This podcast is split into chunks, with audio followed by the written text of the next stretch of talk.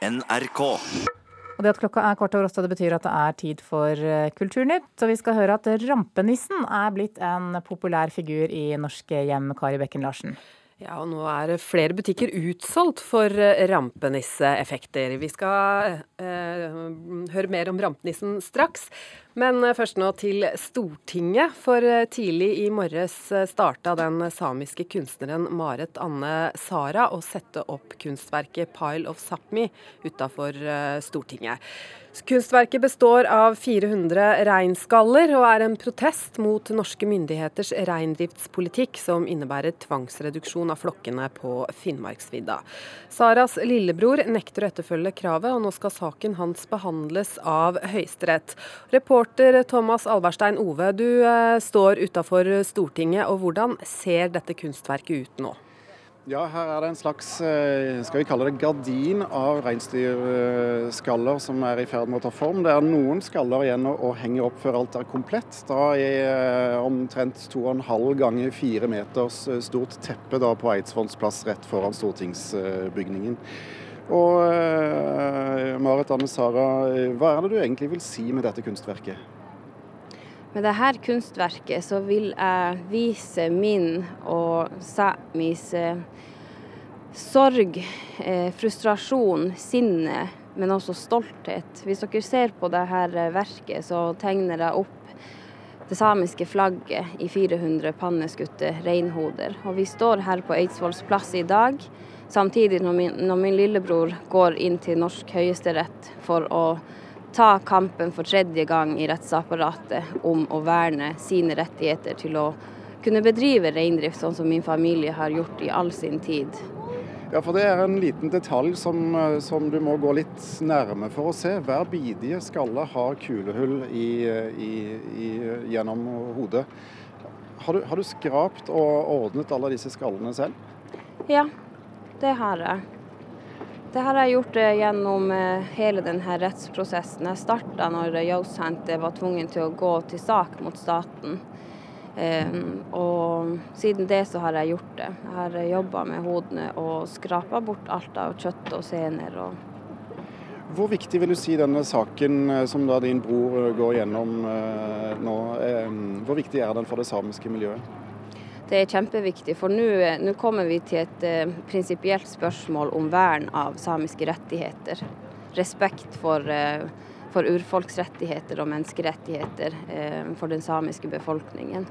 Så um, den er kjempeviktig for oss, og det er derfor vi samles her. Og det skulle ikke ha vært nødvendig at vi igjen må stå her på Eidsvolls plass. Men det gjør vi, og lyset i stortingssalen er tent. Snart kommer politikerne på jobb. Hva, hva, tror du politikerne kommer til å, å, tenke når de går forbi og ser dette kunstverket? Nei, vet du hva, Det er ikke godt å si. Jeg håper i hvert fall at eh, de får noe å tenke på. Kanskje en, eh, at man tar en ekstra refleksjon neste gang man vurderer å justere lovverket um, uten hensyn til, uh, til, oss som befolkning og, og mennesker. Takk skal du ha for det, Marit Anne Sara. Her blir det altså en offisiell åpning av kunstverket klokken ni, samtidig som, eh, som saken starter i Høyesterett eh, noen meter borte i, eh, i byen her. Det var Thomas Alvarstein Ove som var utafor Stortinget skal skifte tema. En nisse som gjør rampestreker om natta, har invadert norske hjem i dagene før jul. Foreldrene utveksler ideer via sosiale medier, og butikkene som selger rampenisseeffekter, har tømt lagrene allerede i den første desemberuka. På Bjørndal i Oslo er Linda Dieseth Andersen usikker på hvem som har det mest gøy, hun eller treåringen Lukas. Det tror jeg har blitt en liten blanding. Jeg syns det er veldig gøy på kvelden. Og Lukas syns det er veldig morsomt på morgenen. For når Lukas står opp, har det skjedd merkelige ting. Rampenissen som satt oppå gardinbrettet da han la seg, har herjet rundt mens han sov. Pakka doen. Pakka inn doen? I hva da? I papir. I papir, ja. Og i går da, når vi skulle spise middag, nei, frokost, og vi skulle helle melk, hva var det som var med melken vår da? Blå! Den var blå, ja. Mammaen til Lukas har vokst opp med denne tradisjonen. Hele livet, eller fra jeg kan huske da, når jeg var liten, så var rampenissen Han dukket opp hver 1. desember og Da var det jo mamma som fant på masse rampestrekker. og Det gjorde hun i mange år. Og det var like stas hver morgen. Så det har jeg valgt å bringe videre til han, da. Men noe nytt har kommet til. Nå kan du kjøpe rampenisseeffekter i butikker som Nille og Panduro. Det kan være en liten dør i gulvhøyde, en liten nissestige eller en bitte liten sekk med mel. Lukas viser meg hvor rampenissen bor. Kan jeg vise deg? Ja, jeg blir med. Jeg bor i dette huset her. Å, inni den døren? Ja. Er han så liten da, når han går inn der? Det er tiga. Stige som man bruker for å Hvor bruker han den? Til å klatre opp på Og det er en kost Ja, en kost. Og det, da? og juletre. Men vil man kjøpe disse rampenisseeffektene nå, kan man gå forgjeves. I hobbybutikken Panduro er lagrene som forsyner hele Norden tomme, og det samme er tilfellet i butikkjeden Nille. Den svenske sjefen Johan Aaberg vil ikke oppgi noe tall, men salget går strykende. Det har gått klart over forventene, vi har solgt veldig mye. Og- skal jeg være riktig ærlig, så tror jeg at de kommer til å ta slutt innen kort. Så bra har de gått. Så det er kjempekult. Men hjemme hos Lukas er det ikke det man kan kjøpe for penger som er morsomst. Nei, rampenissen er noe helt for seg selv. Men vi har valgt å holde oss unna den tradisjonelle gavekalenderen og heller ha det morsomt. Og han kan dukke opp med litt sånn småting innimellom. Med hva vi skal gjøre i løpet av dagen. Når vi skal bake pepperkaker, så dukker det opp mel på gulvet og litt sånn forskjellig. Jeg syns det er viktig at han eh, vokser opp eh, på samme måte som jeg har gjort, med at det er koselig å våkne hver morgen i desember. Det er ikke noe krangling lenger. Ikke noe krangling med å stå opp, og vi får en hyggelig morgen med Amalies jul på TV-en, og alt er egentlig bare fryd og gammen. Sa Linda Diseth Andersen, reporter var Tone Staude. I Åsnes i Hedmark frykter noen at bygda skal framstilles negativt i en ny dramaserie som er under planlegging. De er redde serien kan nøre opp under forestillingene om bygda som et øde sted med tullinger. Halvor Sveen fra Rendalen kan til en viss grad skjønne bekymringa. Han er blitt rikskjendis gjennom Farmen, men har selv bare gode erfaringer med å være på TV. Du skal ikke kødde med byen i Frøsterland! Halvor Sveen brøler inn i kamera etter å ha kjempet seg videre til finaleplass i Farmen. Gjennom høsten har TV-seerne lært å kjenne han som en jovial, nevenyttig kar fra bygda, men med temperament. Det lufter folkepiss. Åh, bra gjort. Det er skikkelig god spøk.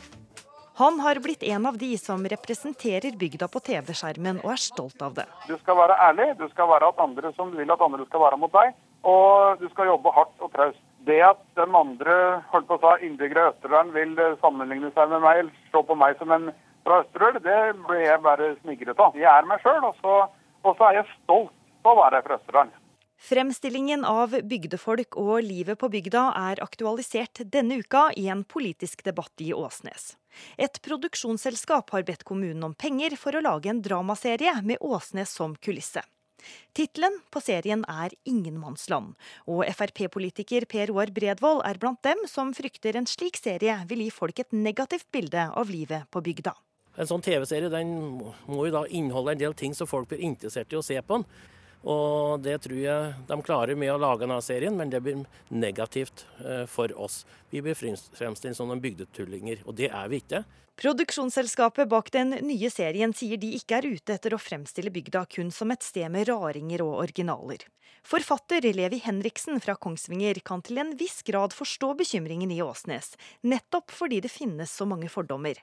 Han skildrer sjøl livet på bygda i sine romaner, og sier han ikke lar seg styre av tanker om hvorvidt han er med på å bygge opp eller rive ned fordommer. Nei, tenker jeg overhodet ikke på i det hele tatt. Hvis, hvis jeg skal sette sånne begrensninger for, for, for hva jeg skal skrive, så, så vil det bare bli kjett og politisk korrekt, og det vil ikke ha noen blod eller nerver i det hele tatt. Forfatteren tror folk fint klarer å skille mellom det som er fiksjon og det som er virkelighet. Historiefortelling handler til stor grad om overdrivelser, og at eh, dette er man gjør seg, man forstørrer, man, man tar seg snarveier og man overdriver og underdriver svært sjelden slik sett at eh, det bildet som blir skapt i en f.eks. TV-serie, det, det har litt eh, Eller det, det, det er ikke nødvendigvis noe speil av virkeligheten, for å si det sånn. Reporter Anne Nesheim. Natalie Jurberg og Hans Berg har vist arbeidene sine rundt på flere eh, prestisjetunge museer og gallerier i verden. I 2009 ble de trukket fram som to av de mest lovende unge kunstnerne på Venezia-biennalen. Nå viser Stavanger kunstmuseum en stor eh, utstilling med de to anerkjente svenske kunstnerne. Mona Pale Bjerke, kunstkritiker her i NRK. Hvem er de, og hva slags kunst er det de lager?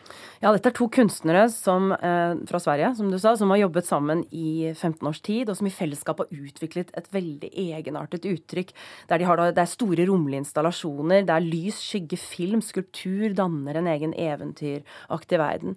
Det er Natalie Jureberg som skaper det visuelle, og Hans Berg som skaper musikken. Og til det lydbildet spiller en veldig sentral rolle i helheten. Han skaper en sånn type tekno-elektronikamusikk. Vi kan høre et lite klipp. Eh.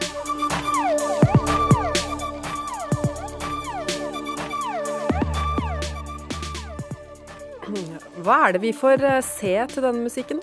Ja, noe av det første som møter oss når vi kommer inn i eh, museet, det er en stor, rommelig installasjon hvor eh, det er roterende podier med enorme blomster som da tilsynelatende vokser opp av disse podiene. Det er en veldig naivistisk, eh, stilisert stil. Det er blåklokker, det er hvitveis, det er smørblomster. Og disse er da teatralsk belyst, slik at det, det, det, skyggene danser på veggen. Og da, når, siden disse blomstene er like høye som meg selv, så opplever jeg meg som en knøttliten i en forhekset hage. Så dette er ganske enkelt og virkningsfullt gjort. Men eh, det er disse såkalte claymation-filmene, leiranimasjonene, de er mest kjent for? Absolutt, og det er det flere av i utstillingen. Her får vi bl.a. blir vi invitert inn i en uhyggelig skog i en av filmene, der vi har et snakkende hus og en, en skummel ulv som damper på en gigantisk sigarett. Det er en liten pike, antagelig rødhette, og også en meget fet gris. I tillegg så er det en annen film hvor lekene i et barnerom blir levende. Og det er veldig sterke seksuelle undertoner her. De rir på hverandre. De, det er også en ulv, og igjen utkledd som bestemor, eh, som biter en My Little Pony i rumpa. Sterke saker, dette her. Hvordan eh, forstår du dette? Ja, altså, De utforsker brytningen mellom barnets uskyldige verden og eventyrets eh, verden, og voksenlivet med sine drifter og sitt begjær. De utforsker også porno eh, pornografiens eh, språk. Og det er klart at det ligger et veldig ubehag i dette med barnet, eventyret, koblet opp mot noe pornografisk. Og den måten de utforsker pornografien, det er jo en film der vi ser kvinner, altså i dukker, som spriker, som gnir seg mot penisformede objekter. Og det er jo da selvfølgelig en harselas med de karikerte kjønnsrollene som kommer frem innenfor pornoestetikken. Men jeg opplever nok ikke at de likevel klarer å kaste noe spesielt nytt eller interessant lys over dette språket i gåseøyne, som i stadig større grad gjennomsyrer vår visuelle virkelighet. Ja, så Hvis du skal konkludere, da? Nei, Så ble jeg nok faktisk litt skuffet. Og det kan nok hende jeg gikk med urimelig høye forventninger til denne utstillingen, for det har vært en veldig hype omkring eh, disse kunstnerne. Eh, så jeg, jeg, gikk dit og liksom håpet å bli på en måte rystet eller grepet, eller at noe skulle igangsettes i meg. Men jeg gikk nok fra museet og tok ikke med meg så veldig mye, verken av nye innsikter eller noe annet. Takk skal du ha, Mona Pale Bjerke. Du har hørt en podkast fra NRK P2.